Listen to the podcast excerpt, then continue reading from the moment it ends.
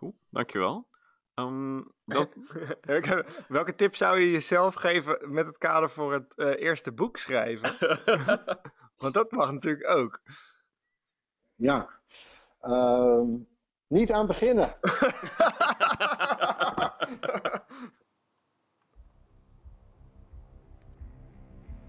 Goedemiddag, Justin hier van 21uur.nl en welkom bij de 21 uur podcast.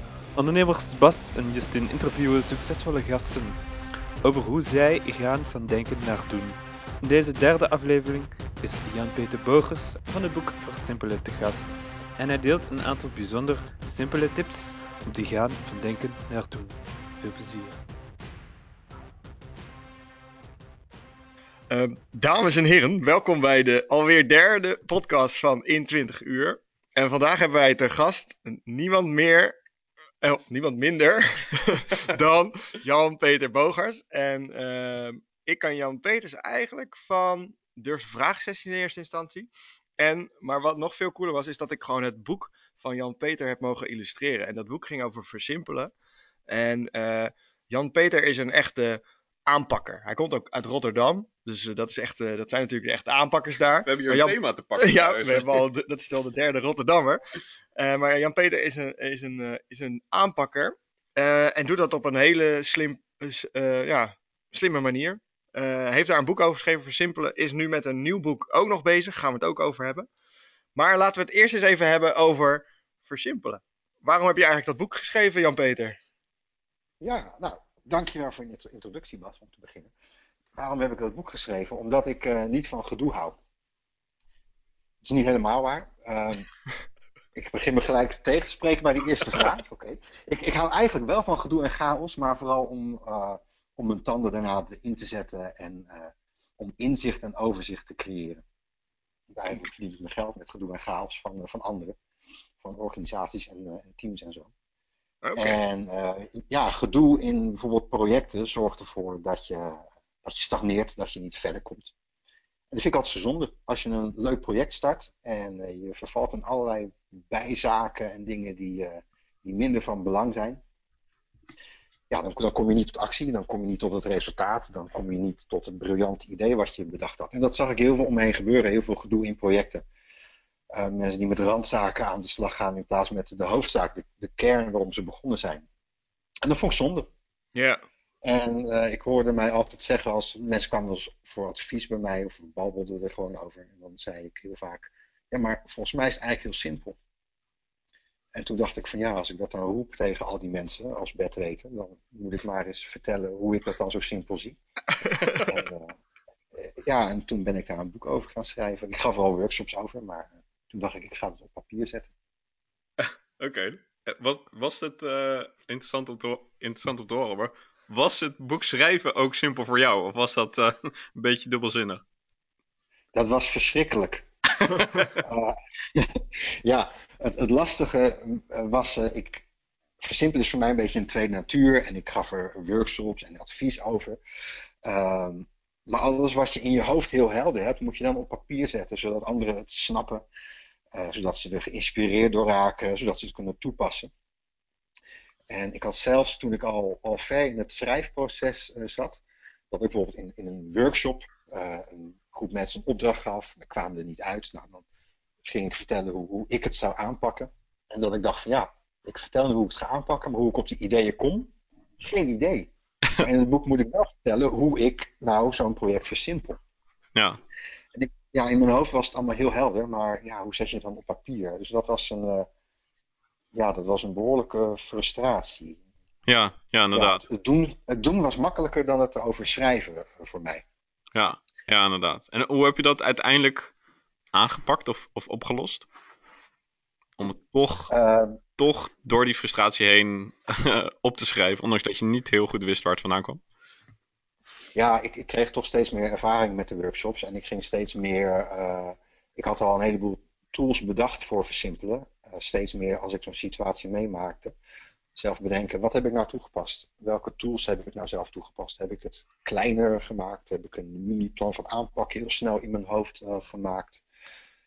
Knopen doorgehakt. Wat doe ik nou precies in mijn hoofd? Toen ben ik eigenlijk gaan, gaan analyseren. Ja. En dan als het schrijven dan eenmaal op gang uh, komt, dan, uh, ja, dan gaat het steeds meer vanzelf. Ja, inderdaad. Ja, ik, ik en, en, en toen, gebeurde het om, ja, toen gebeurde het omgekeerde, dat ik eigenlijk zoveel ideeën had, dat het boek veel te dik werd. en mensen maakten altijd, altijd grappen tegen mij als ik vertelde dat ik een boek over versimpelen aan het schrijven was. Nou, versimpelen, dat zal dan wel een heel dun boekje worden. Maar ik had er heel veel ideeën over. Het is ook geen dun boekje geworden. Het is bijna 200 bladzijden geworden. Maar als uh, een aantal mensen om mij heen mij niet hadden tegengehouden, hadden het er nog veel meer geworden. dus toen moest ik uh, keuzes gaan maken en dingen gaan schrappen en zo. Ja, en uh, als je een soort van rode lijn daarin, van oké, dit hoort er wel bij en dit gaat echt te ver. Of een soort van duimregel waarin je jezelf aan hebt gehouden? Ja, het moest een heel praktisch uh, boek worden. Dus dat mensen uh, veel uh, cases en voorbeelden zagen om, om daar geïnspireerd door te raken. En ja. dat de tools snel toepasbaar werden. Dus ik kon sowieso in de, de theorie, hoe ik, hè, hoe ik dit bedacht had en voor me zag, kon ik veel schrappen. En ja, ik had zoveel tools dat ik daar op een gegeven moment de, de belangrijkste in gekozen heb. Daardoor gedwongen door ja, een aantal mensen van het team die mij toen hielpen. Volgens mij was Bas er ook bij en, en Ron, en, en, uh, degene die de cover heeft gemaakt en de vormgever en de uitgever. Ja. Die zeiden allemaal, ja, het moet echt minder. Nou, daar heb ik maar naar geluisterd. ik heb wel gesmokkeld hoor, want uh, uh, daarna heb ik nog tien tools erbij geschreven en online gezet. En ik ben nu zelfs bezig met nog vijf nieuwe tools. Je bent unstoppable, ben je? Unstoppable, precies. Ja, en je bent ook een nieuw boek aan het schrijven, hè? Ja, klopt. Kan je daar al, uh, mag je daar al iets over vertellen of uh, is dat nog uh, helemaal geheim? Nee hoor, daar mag ik zeker wat over vertellen. Dat boek gaat over storydoing. En iedereen kent wel storytelling. Um, maar storydoing is specifiek voor organisaties. En ons motto is, ik doe dat samen met een vriend van mij, met Ron, een goed verhaal doe je als organisatie. Je kunt je verhaal vertellen. Maar het is uh, veel authentieker als je je verhaal ook daadwerkelijk doet. Hè? Dus je kunt vertellen dat je klantvriendelijk bent. Maar hoe zien we dat dan in, uh, ja, in je uitingen, in je, in je gedrag, in je interactie met de klant bijvoorbeeld? Ja. En het boek bestaat uit uh, drie delen. Story being, want je bent al een verhaal als organisator, of organisatie of als project of als team. Dat verhaal dat brengen we naar boven. Dan is het storytelling. Hoe kun je dat verhaal vanuit verschillende perspectieven en aan verschillende doelgroepen op allerlei manieren vertellen. En dan is het story doen. Practice what you preach. Zo gezegd, uh, ga je verhaal maar doen. Ja, klinkt heel goed. Ik ben echt heel benieuwd uh, hoe het eruit komt te zien. Ja, ja. En, en uh, als mede, mede boekschrijver kan ik me jouw frustratie en voorstellen bij het hele proces. en, ja, maar wel gaaf dat dat, dat, begonnen. Nou, precies. En, en dan hoop je dat je hebt geleerd van het eerste boek. En dat is uh, deels waar, maar ik loop ook weer tegen dezelfde zaak aan. Nou ja. Ja, precies. Uh, wat, wat was jij nou gewoon benieuwd even, komt nu me op. Wat is jouw ene tip voor, voor het, het schrijven van een boek? Want ik ken heel veel mensen die wel een boek willen schrijven of willen maken of willen doen. Maar ze beginnen er eigenlijk gewoon niet aan. Uh, dat ten eerste. En maken het ook heel vaak niet af. Um, nee. Ik vond het zelf ook heel lastig om hem, uh, vooral om hem af te maken. Maar ik ben benieuwd wat jouw grootste inzicht daarin is geweest. Ja, mijn grootste inzicht komt voort uit waar ik uh, uiteindelijk ontdekte dat ik steeds tegenaan liep. En dat is dat ik met het verkeerde bezig was. Steeds als ik vast was, zat ik in het verkeerde proces. Eigenlijk heb je in de, bij een boek twee processen. Schrijven en structureren. En uh, als je aan het schrijven bent, terwijl je eigenlijk vastloopt in de structuur, werkt het niet. En als je aan het structureren bent, maar eigenlijk nog content, content moet creëren, dan uh, werkt het ook niet. Nee. Die processen die wisselen elkaar af. En iedere keer als ik vast zat, was ik dus aan het schrijven. Terwijl ik eerst wat structuur moest aanbrengen, omdat ik dan weet waar ik naartoe ging schrijven. Of ik was aan het structureren, maar ik had nog te weinig content, dus ik was aan het structureren voor NOP. Ja, precies. Merk ik nu weer met dit boek maar ik ben me er gelukkig iets bewuster van dat uh, als ik vastloop, moet ik dus kijken of ik met het goede proces uh, bezig ben. Ah, goeie.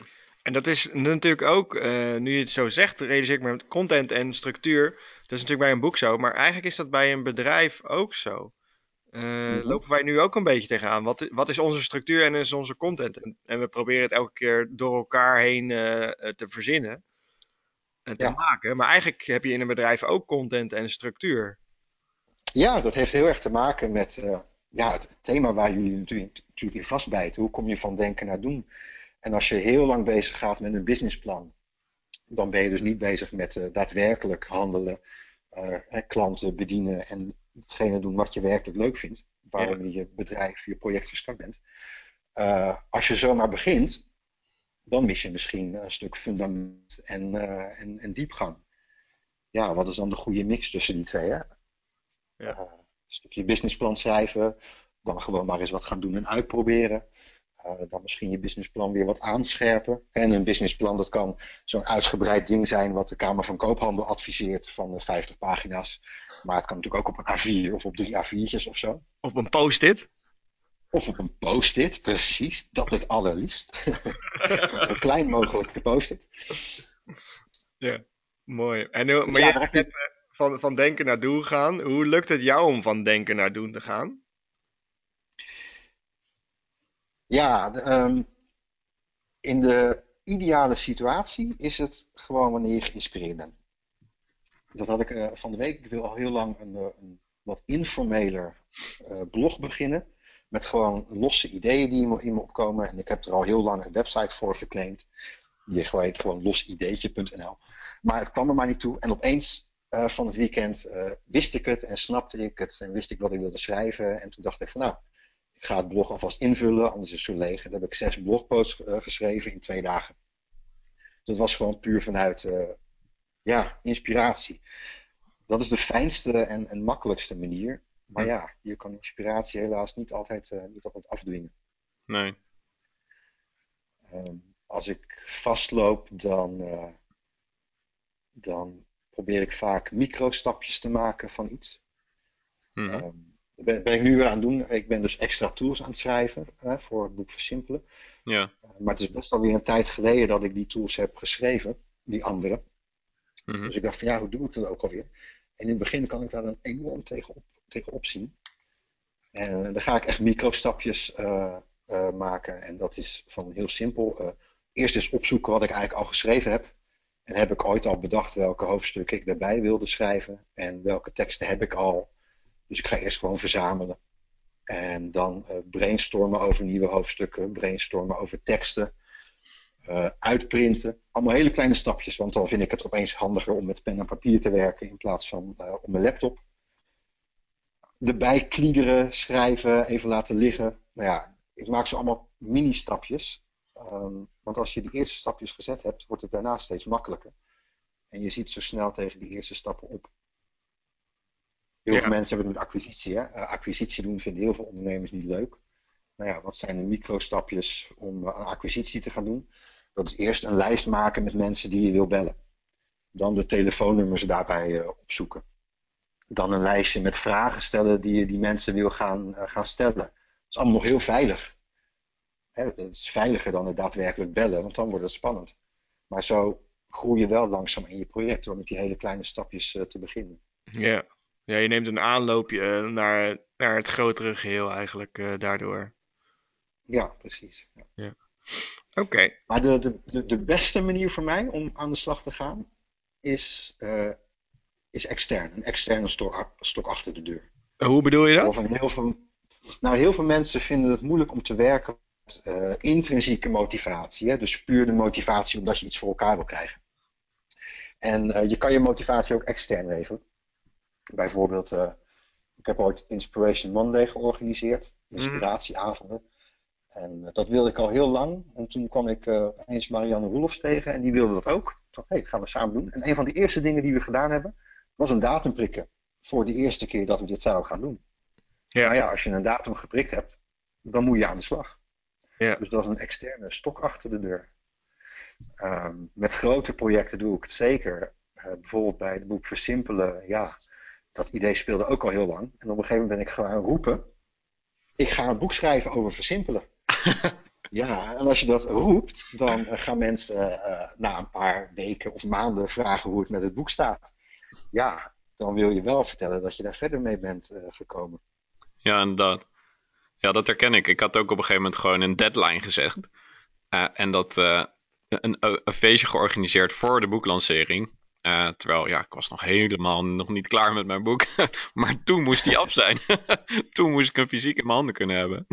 Precies. En dat werkt echt inderdaad als stok achter de deur om aan de slag te gaan. En ineens vind je dan manieren om het wel waar te maken. Uh, ja, dan, dan, moet je wel, dan moet ja. je backwards planning gaan doen. Hè? Dus als dan de boeklancering is, dan moet dan het boek af zijn, dan moeten dan mensen uitgenodigd zijn.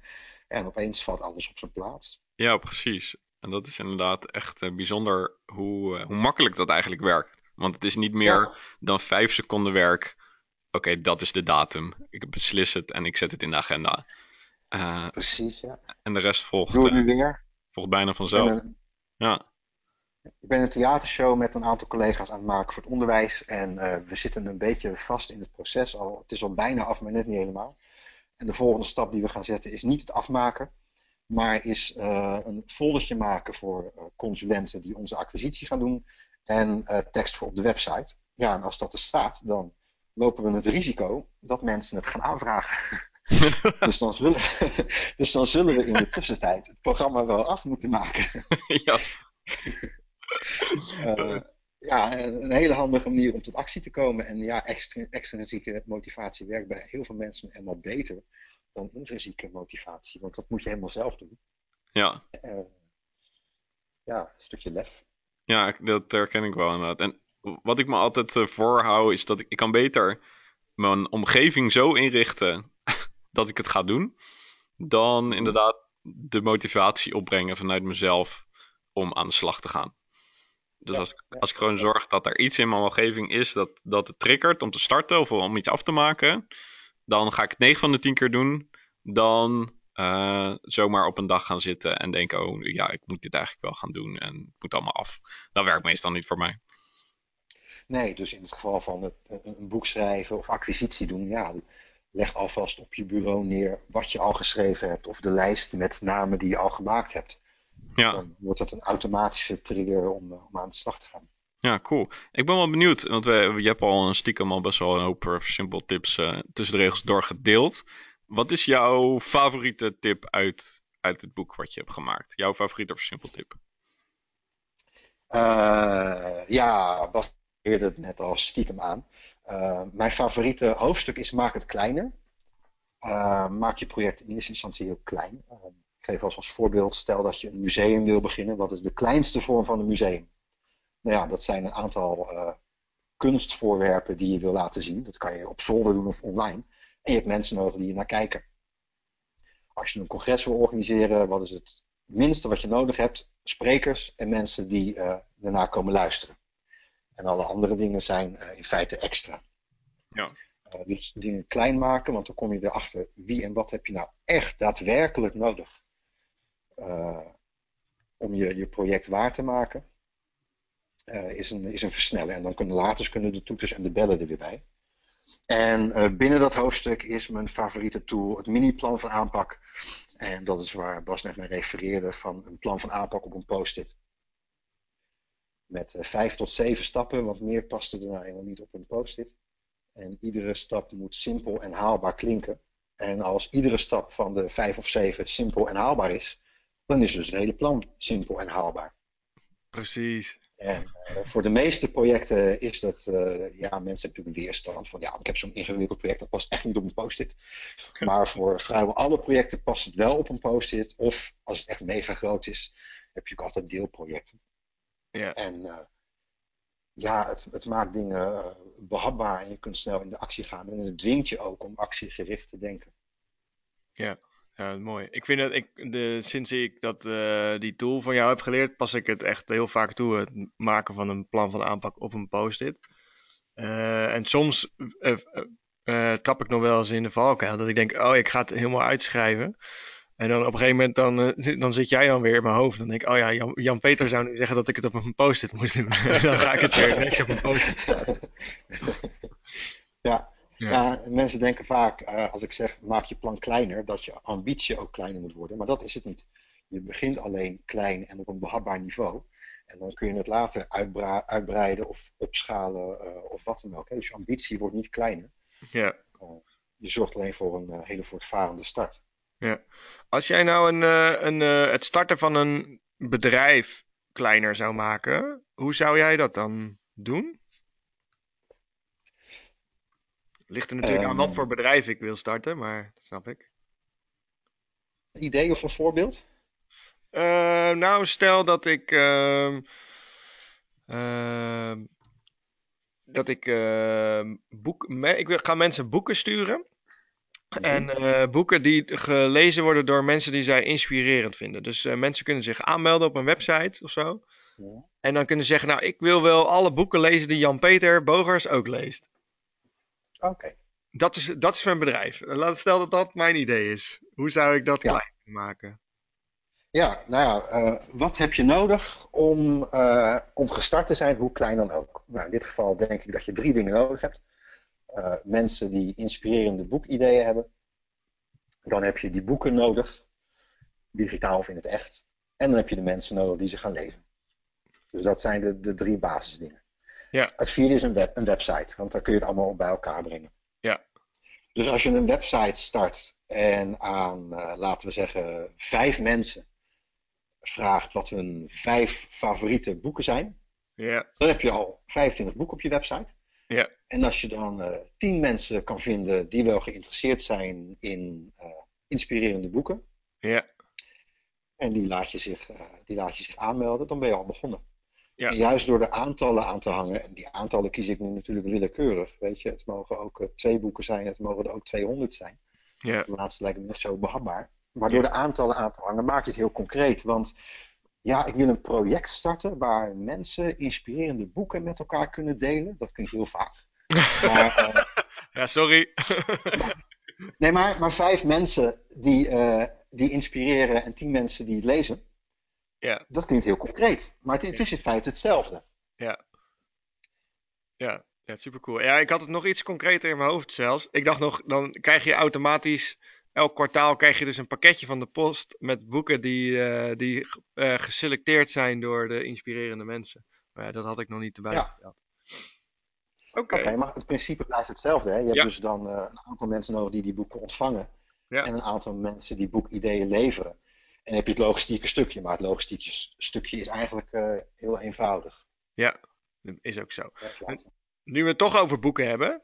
Wat is uh, echt een goed boek wat jij in 2015 hebt gelezen, waarvan je zegt zo, dat is wel uh, uh, een, echt een goed boek wat elke professional in Nederland gelezen moet hebben? Zo dan. Ja. wat heb ik in 2015 gelezen? Wat iedereen moet lezen. Hmm. Zullen wij anders eerst ons eigen favoriet uh, delen? Oh ja. ja, doe maar. Misschien kom ik er dan op. Wat is jouw favoriet, mijn, Justin? ja, mijn favoriet is uh, uh, One Thing van Gary Keller en Blada Kaspersen. Ik zal hem in, in de show notes zetten. Heet in ieder One Thing en het gaat over welk ene ding ga jij dit jaar waarmaken. Nou, toevallig, een van de voorbeelden die hij in het boek gebruikt, is, een, is natuurlijk een boek. Um, omdat het natuurlijk lekker concreet is en iets heel groots. Uh, en hij vertelt over, ik denk dat, dat hij ook heel veel overlap heeft met, met het versimpelen boek. Over hoe je echt op het moment dat je op één iets focust en dat elke dag concreet doet, je uitzonderlijke resultaten kunt waarmaken. En het, hij geeft bijvoorbeeld um, het voorbeeld van dominostenen. Op het moment dat je allemaal dominostenen achter elkaar zet, uh, kan de eerste dominosteen de volgende dominosteen omgooien. Logisch, maar ook een dominosteen die anderhalf keer zo groot is. Nou, bij, de, bij, uh, bij 10 uh, is het nog wat te overzien, maar als je dat bijvoorbeeld 100 dagen doet, um, of 100 keer doet, dan ja, weet je, ben je boven de Eiffeltoren en ondertussen een paar keer verder zit je al bij de maan. Uh, en daarmee geeft hij aan dat de kracht van focus op één ding zo sterk is dat je uitzonderlijke dingen kunt waarmaken. Ehm, en ik vond het echt een van de beste boeken überhaupt. In ieder geval het boek dat ik in 2015 heb gelezen. Dus One Thing. One Thing. Ja, gaat ook heel erg over van visie naar actie komen. Uh, ja, ja een zeker. Hef, hefboom-effect eigenlijk. Ja. Ja, ik krijg ook de hele tijd de vraag om mijn oren. Wat is het ene ding wat we nu kunnen doen? en denk, oh, daar heb je hem weer. Even kijken, mijn. Uh, ik heb best wel wat boeken gelezen. Ik heb net stiekem even in mijn, in mijn, in mijn Kindle gekeken van, oh ja, welke boeken heb ik ook alweer gelezen in 2015? Uh, persoonlijk heb ik een boek gelezen over radical honesty. Die vond ik heel goed, maar dat zou ik niet elke professional aanraden. Maar ik vond het een heel, nou, echt wel een boek wat mijn gedachten verandert over hoe eerlijk ben ik eigenlijk. En een ander boek wat ik heb gelezen, wat ik wel super interessant vind, is, uh, dat heet The First 20 Hours van Jos Kaufman. En uh, hij gaat, dat boek gaat over rapid skill learning. En daar is dit ons project ook een beetje op gebaseerd. Dat je een skill kan leren door de juiste dingen te doen en daar dan 20 uur echt doeltijd aan te besteden. En dat je daarin uh, super snel kan leren als je maar de juiste dingen doet. En uh, ja, dat, dat vond ik sowieso heel gaaf. En ik had daarvoor al uh, Four Hour Chef gelezen van Timothy Ferris, wat ook daarover gaat. Um, en dat was voor mij wel een zetje van: oké, okay, als ik dus de juiste dingen doe in een korte tijd en vooral echt ook dan aan de slag ga, dan kan ik heel veel leren als ik dat wil. Ja, dus ook lekker actiegericht. Uh. Ja. ja. ja. Nou, heb jij ondertussen al een boek bedacht? nou, ik, ik heb zitten denken van, ik heb vooral wat, uh, wat boeken die niet vakliteratuur zijn uh, gelezen. Ja. En een aantal boeken uh, ook, ook herlezen. bijvoorbeeld heel bekend van Paulo Coelho, De Alchemist. En het boek Laws of Spirit van Dan Millman. maar dat zit meer op, op leven dan op, op werken. Ja. En uh, van, van vakliteratuur lees ik, uh, ja, zo nu en dan is een hoofdstukje hier, een hoofdstukje daar. Ik herlees uh, boeken. ik vind de boeken van Seth Godin nog steeds heel inspirerend. Tribes en Purple Cow gaat ook heel erg over in actie komen. Hè? zijn beroemde uitspraak ship it. gaat ook heel erg over hoe je een project of een bedrijf start. Zodra het ook maar een beetje af is, gooi het meteen in de wereld. Dat is de betekenis van ship it. En ga niet eerst nog uh, je, je businessplan uh, 50 pagina's uh, uitwerken.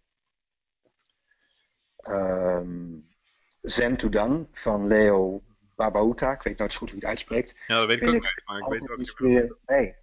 En dat, dat herlees ik ook regelmatig. Het is eigenlijk Getting Things Done, maar dan op een manier dat je er ook echt wat mee kan. Ja. Ja. en, uh, oh ja, en een boek wat ik uh, gelezen heb, waar ook storydoing, wat, wat ik nu met Ron aan het schrijven op gebaseerd is. True Story van Time Montague. ja, dat is, echt, dat is echt inlezen voor, voor het eigen boek. Ja, ja, cool. Zijn wel, wel... En ik heb nu net wat boeken besteld over design thinking. Ah, leuk. wil ik me verdiepen van uh, ja, hoe, uh, ja, hoe, hoe ontwerp je een verandertraject of een product of uh, een organisatiecultuur vanuit design thinking. Ja. Dus daar ben ik heel erg nieuwsgierig naar. Ja, ja, ik heb er ook een paar in mijn library staan, maar ik heb ze nog niet geopend. Oké, nou, uh, een beruchtje vanuit boeken. Uh, je zei net al Seth Godin, uh, die, die herlees je en dat inspireert je wel. Zijn er nog andere mensen die jou inspireren om slim aan, aan de slag te gaan? En, of ben je eigenlijk gewoon van nature ben je natuurlijk een versimpelaar? Ehm, maar zijn er nog mensen die jou daarin ook inspireren? Um, nou, jijzelf, Bas. Uh, jou ken ik iets minder goed, dus daarom noem ik, noem ik je even niet, maar uh, vast en zeker ook. Ja, ik ook, ook dingen snel op. Je bedenkt een project, jullie bedenken een project en ja, voordat je het weet staat het, staat het in de stijgers. En ja, hoe ben ik ook wel heel erg actiegericht. Kijk, ik zit momenteel heel erg in de advieshoek.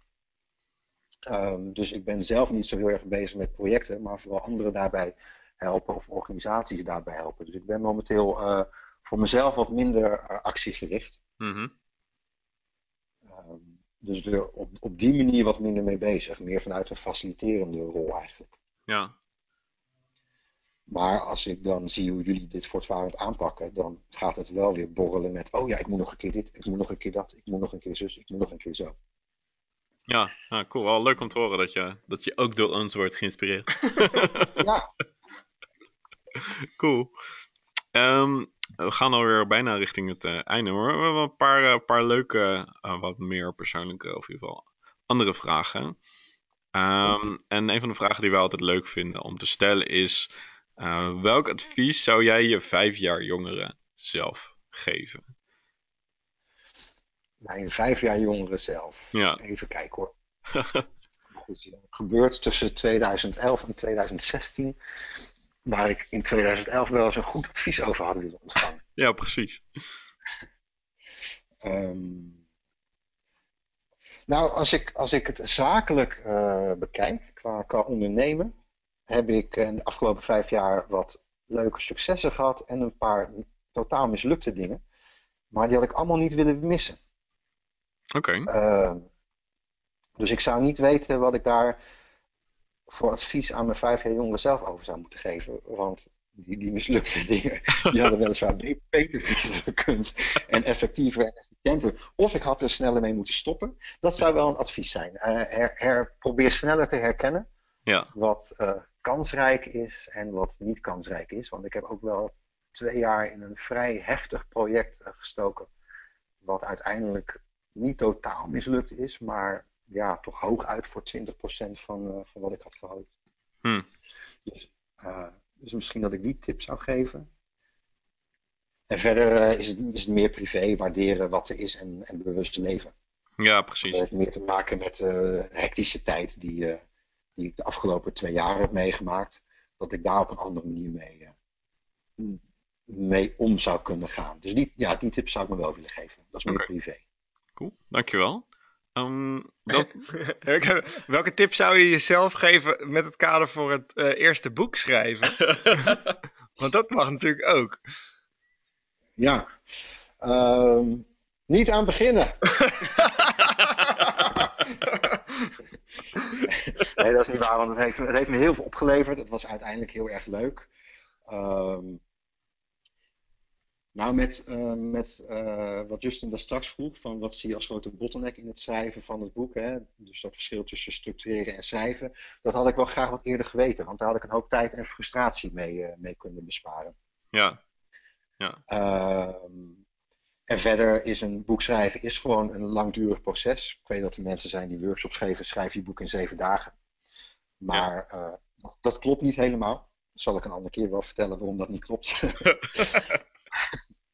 Uh, en het is ook heel waardevol om dat proces uh, door te gaan. Ja, dat is waar. Dat is waar. Dat heb ik ook wel. Ik vond het wel een hele leerzame ervaring. En de volgende keer als ik een boek ga schrijven, wat, wat ongetwijfeld gaat gebeuren, dan zou ik het inderdaad wel net iets anders aanpakken. En zou ik het ook denk ik wel meer waarderen. Gewoon uh, het hele proces. En nu was ik heel erg resultaatgericht. En minder aan genieten van het proces. En dat ik dat eigenlijk stiekem heel leuk vind en dat soort dingen. Dus dat is wel ja. interessant om te horen. En ook, uh, ook de dips horen erbij. Daar heeft Seth Godin ook een boek over geschreven, wat ook de dip heet. Ja. Uh, als je geen, geen dip hebt in een project, dus een hele moeilijke fase, als het te makkelijk gaat, is het waarschijnlijk ook niet zo waardevol. Nee. Want de, de dip en de tegenslagen zorgen wel voor, voor diepgang. En dat het blijkbaar over iets reëels gaat waar je goed over moet nadenken. Uh, dus het waarderen van de dips zou ook wel een tip zijn. Die ik overigens zelf nog niet altijd toepas, want ik hou helemaal niet van die dips. nee, ik hou ook niet van dips. Alleen met chips dips, nee. maar verder niet. Ja. ja, precies. Maar ja, ze horen er nou helemaal bij. Dat is misschien wel een goede tip die ik voor dit boek ga toepassen. Hij heeft ook net in een, een dip gezeten. Oké. Okay. Uh, waar we nu een beetje aan het uitkrabbelen zijn. En misschien moeten we die dip wat beter waarderen. Ja. Cool, dankjewel. Dankjewel voor deze vraag. Ja, geen dank. En uh, als, als ene, laatste, ene laatste vraag aan jou. Wie zouden wij uh, nog eens moeten uitnodigen voor deze podcast? Wie inspireert uh, jou of wie ken jou waarvan je denkt, ah, die moeten we hebben? Mag ik een paar mensen noemen? Ja, natuurlijk. Ja, Eh, ja eerst eh, Ron, Ron van Geels, vriend van mij en degene met wie ik eh, het boek Story Doing aan het schrijven ben. Eh, ja, hij is ook een echte multi-entrepreneur. Hij verzint originele businessconcepten ja, waar je bij zit. Oké. De manier waarop hij dat doet, eh, is, is, dat is echt ook design thinking, maar eh, voor vergevorderden. Het visualiseren van de toekomst. Hij maakt een concept alsof je al begonnen bent met je business, alsof het al af is met logo, website, concept, eh, eh, eh, eh, partners, eh, klanten. Alsof je al begonnen bent. En dat maakt je zo beeldend en concreet dat je daarna alleen nog maar hoeft te bedenken van oké, eh, hoe ga ik het realiseren eh, en hoe zorg ik ervoor dat, eh, dat het over eh, een paar maanden staat. Ja, Oh, wauw. gaaf hoor. Ik ben benieuwd. Ja. En ehm, ja, het viel mij op. Ik ben in jullie serie de derde eh, zelfstandig ondernemer. Mhm. En ik zou het wel leuk vinden als jullie ook wat mensen die ook heel actiegericht zijn, maar in organisaties eh, werken. Want dat is weer een hele andere manier. Ja, dat is waar. En dan zou ik Marcel Jongmans interviewen. Die werkt voor de gemeente Rotterdam. Bas kent hem ook wel. Ja. Bas. ja. En hij is, hij is een, een- aan de ene kant een ramp voor die organisatie, want hij, hij past niet in systemen en structuren. Uh, maar hij doet geweldig veel voor de stad. Hij is betrokken bij allerlei initiatieven. Hij faciliteert ze, inspireert ze, weet precies bij wie je waarvoor moet zijn.